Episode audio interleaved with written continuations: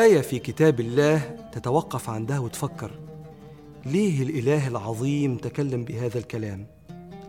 ألفاظ الآية تحرك في القلب الذي لا يحركه الأحداث. ربنا بيقول من ذا الذي يقرض الله قرضا حسنا فيضاعفه له أضعافا كثيرة. والله يقبض ويبسط وإليه ترجعون. والآية الثانية بتقول إن تقرضوا الله قرضا حسنا يضاعفه لكم ويغفر لكم والله شكور حليم. كأن الإنسان لا يستطيع مقاومة حبه للتملك رغم إنه شايف قدامه محتاج حقيقي. فيجي ربنا ويقول لك لو المحتاج الحقيقي ما هزكش أنا بقول لك سلفني أنا. يقرض الله. درجة إن الصحابي تعجب وقال آه الله يطلب منا القرض. وشوف ربك يسميه قرضا حسنا.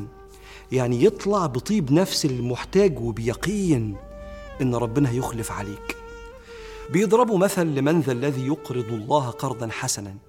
يقول لك تخيل مثلا لو أنت أب بتاع الكهرباء جاي لك عشان يحاسبك على الكهرباء الشهر ده بتحط إيدك في جيوبك ما لقيتش فلوس قلت لابنك يا ابني معاك في حصلتك اللي هو محوش فيها فلوس من مصروفه اللي هي فلوسك. معاك يا ابني 10 جنيه فعندك ابنين. واحد قال لك طبعا يا بابا أكيد اتفضل دي فلوسك وأنت أكيد هترجعها لي بزيادة. واحد تاني قال لك آه، أديهم لك ولا أنا شاكك فيك هترجعهم ولا لأ؟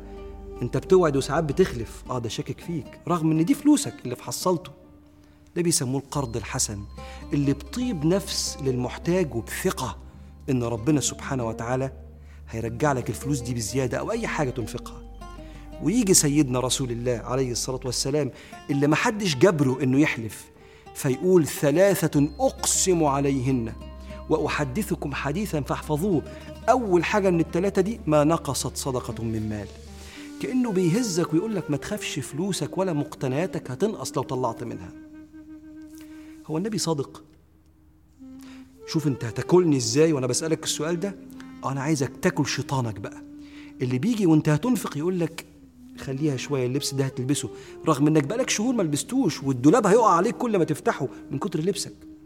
ربنا مش عايزك عبد المشهد الكنز ده عمال أكنز فلوس أو لبس أو أي مقتنيات. ربنا عايزك سهل. سهل عليك تقول لأي حد اتفضل. أنا عندي في خزنة ربنا كتير. وخزائن الرحمن موصولة بخزنتك. لو انت وصلت خزنتك بخزنة المحتاج. شوف ربك يقول لك لن تنالوا البر حتى تنفقوا مما تحبون.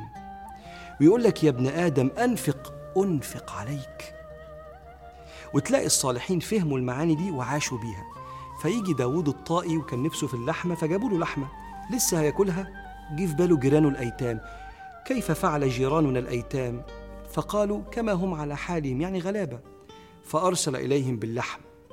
فمراته بتقول له كنت بعت أي حاجة تانية؟ قال لها لا.